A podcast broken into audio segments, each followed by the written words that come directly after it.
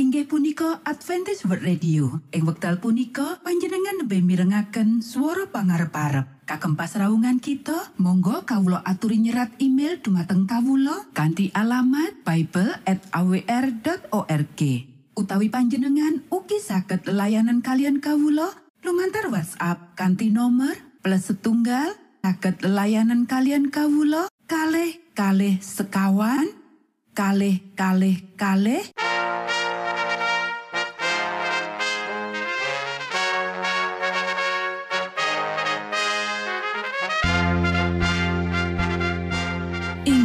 punika Adventist World Radio ingkang giaran kanti basa Jawi. Tentrem Rahayu kula aturaken kagem para mitra kinasih ing pundi papan lan panggonan. Sugeng pepanggian malih kalian Adventist World Radio. Kanti bingahing manah Kulo badhe sesarengan kalian para mitra kinasih lumantar saperangan adicara ingkang sampun rinonci mligi kagem panjenengan sami. Mugi giaran punika saged migunani tuen dados berkah kagem kita sedaya. Sugeng midhangetaken Gusti amberkahi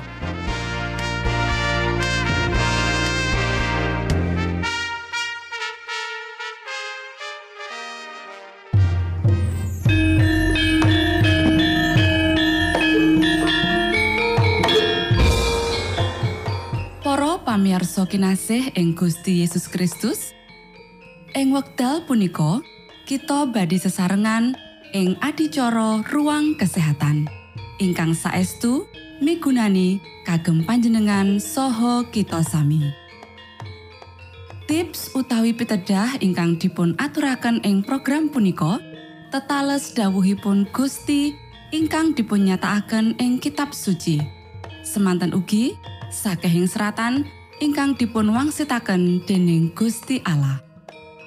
Nanging saderengipun, monggo kita sami midhangetaken kidung pujian.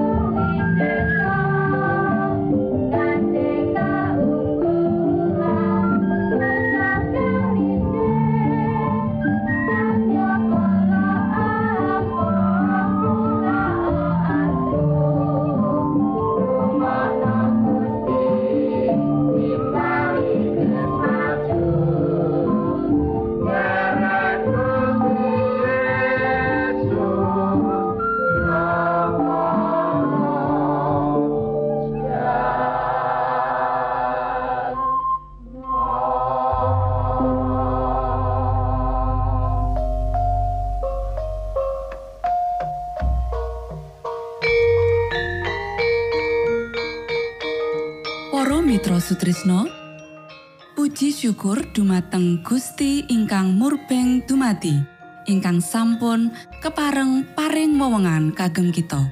Satemah saged nglajengaken ruang kesehatan. Pirembakan kita semangke kanthi irah-irahan. Coro-coro mangan sing kleru perangan kapindo.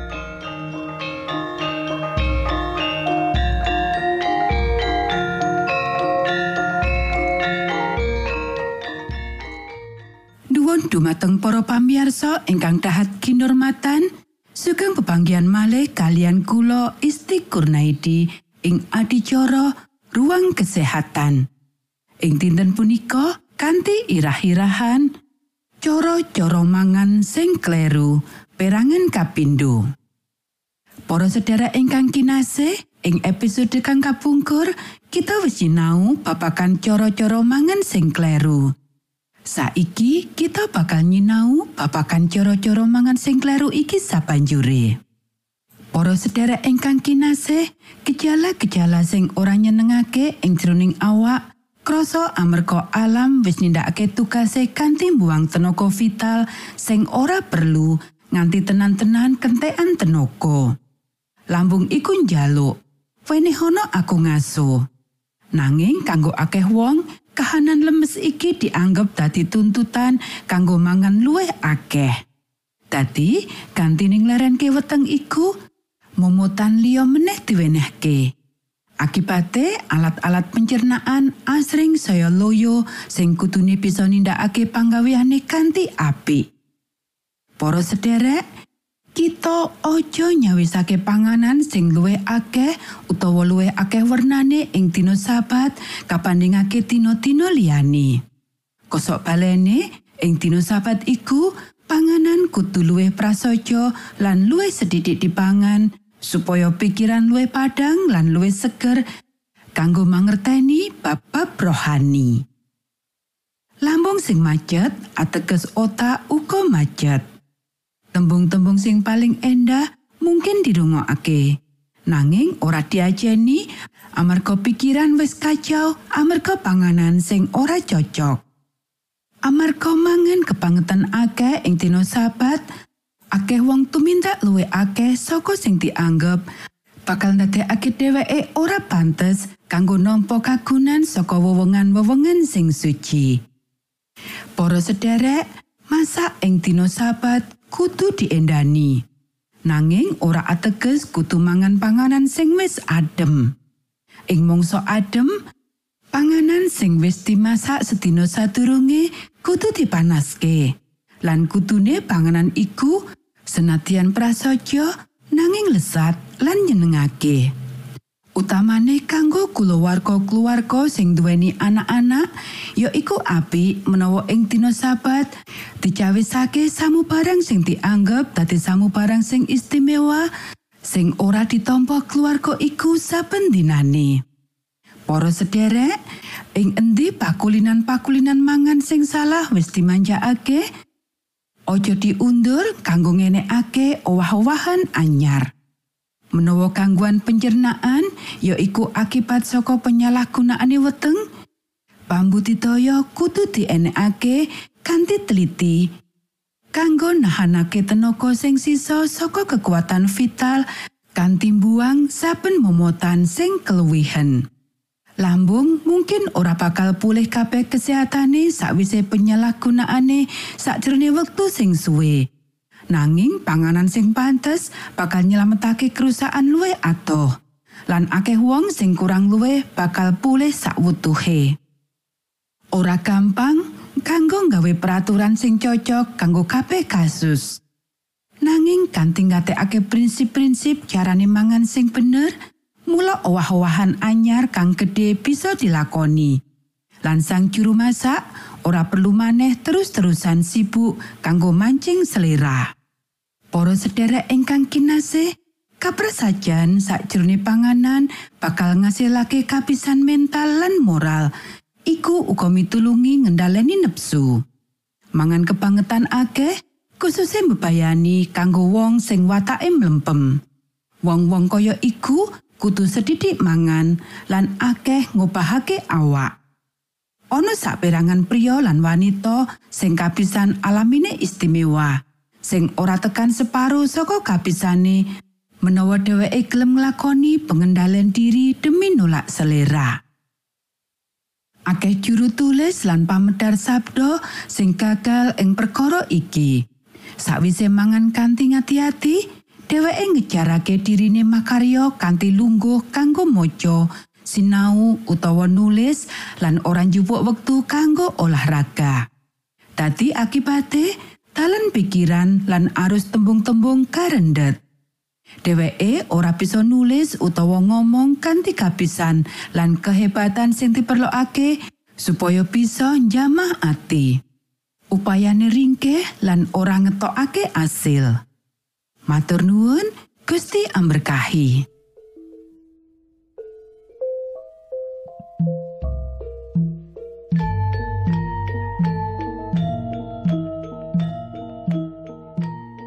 Cekap semanten pimbakan ruang kesehatan ing episode dinten punika. Ugi sampun kuatos jalaran kita badhe pinanggih malih ing episode sak lajengipun.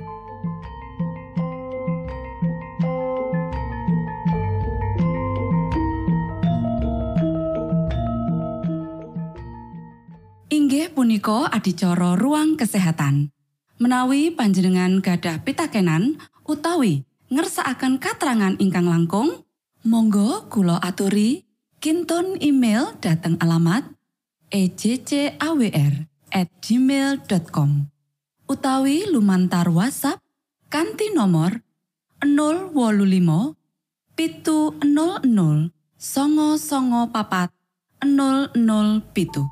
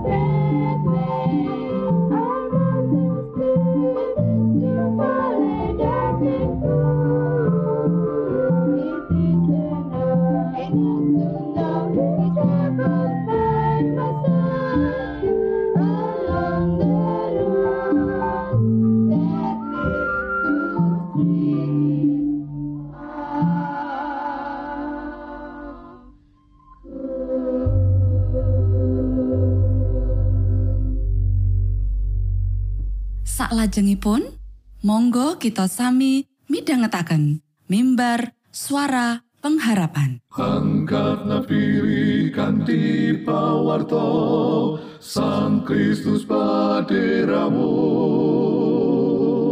Pro umat samyo puji asmanyo Sang Kristus paderamu Inggih punika mimbar suara pengharapan. Ing episode punika kanthi irah-irahan Duta pameco ndedonga. sugeng midhangetaken. Sosuloyo Sang Kristus paderamu Ilmu kawero tambah tambah Sang Kristus paderamu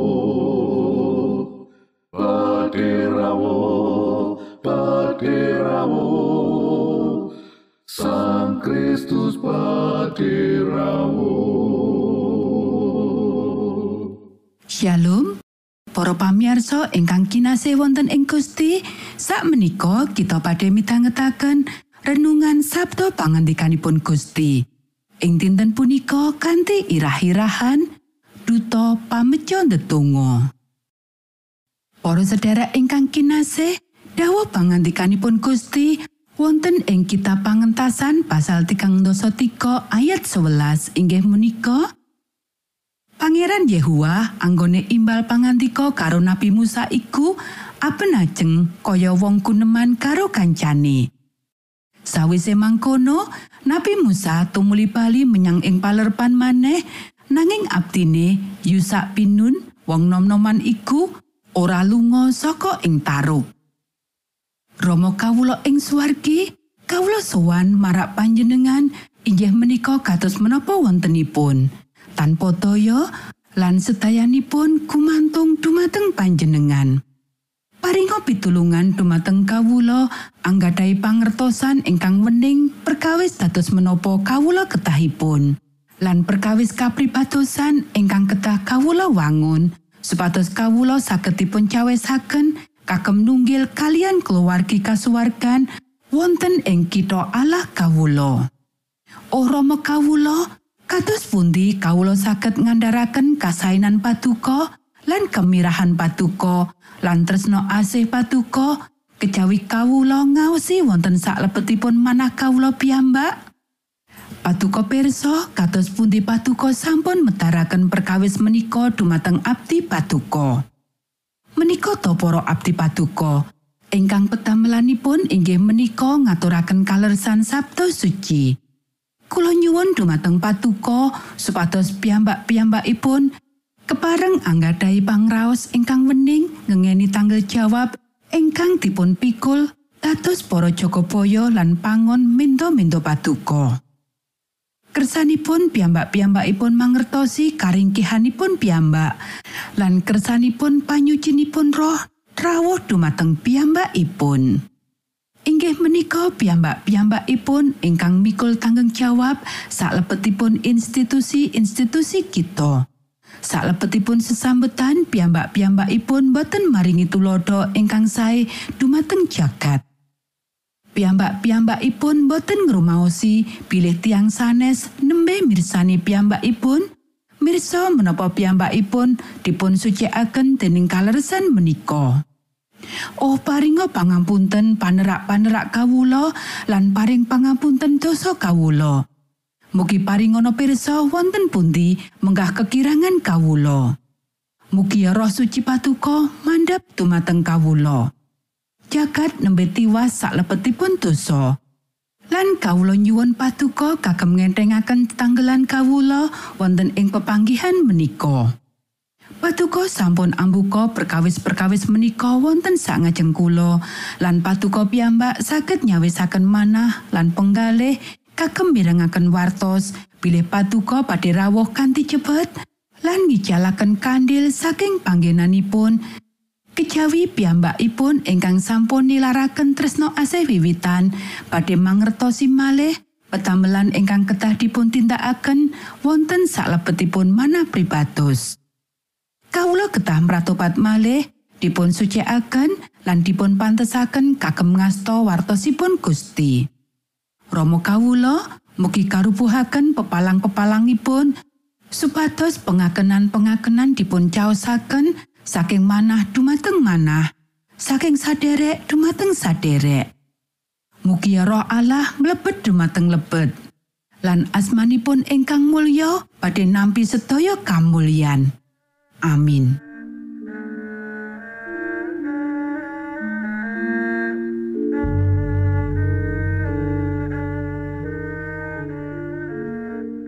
Para Mitra Sutrisno pamiarsa kinasih ing Gusti Yesus Kristus sampun paripurno pasamuan kita ing dinten punika menawi panjenengan gadah pitakenan utawi ngersaakan seri pelajaran Alkitab suara nubuatan Monggo Kulo aturi kinton email dateng alamat ejcawr gmail.com utawi lumantar WhatsApp kanti nomor 025 pitu 00 songo songo papat 00 pitu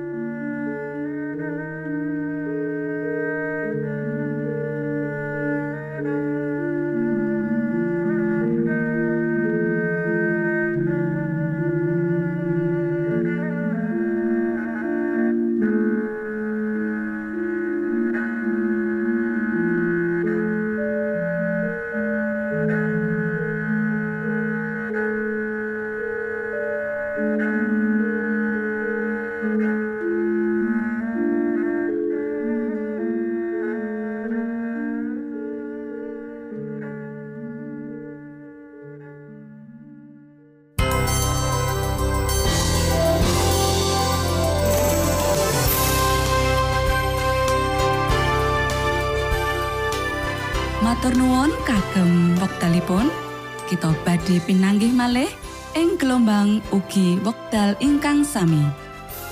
Saking studio kula ngaturaken tentrem rahayu. Gusti amberkahi kita sedaya. Maranatha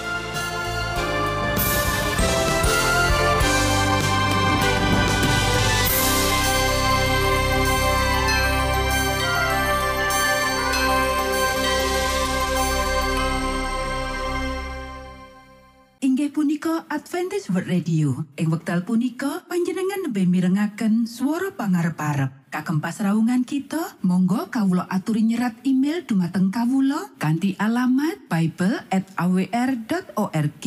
Utawi panjenengan ugi saged layanan kalian kawulo lumantar WhatsApp kanti nomor plus setunggal saged layanan kalian kawulo kalih kalih sekawan kalih kalih kalih